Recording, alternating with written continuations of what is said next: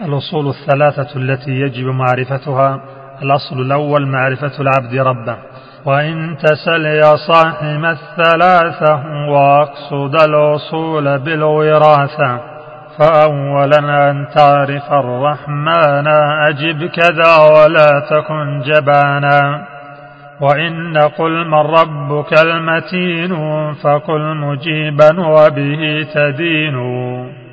الرب من رب جميع العالمين دليله في الحمد يا ذا قد نمي عرفته بالآي والمخلوق كالليل والسماء والبروق.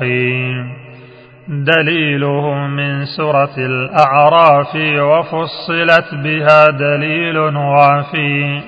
وربك المعبد فلتوقره دليله من آية في البقرة.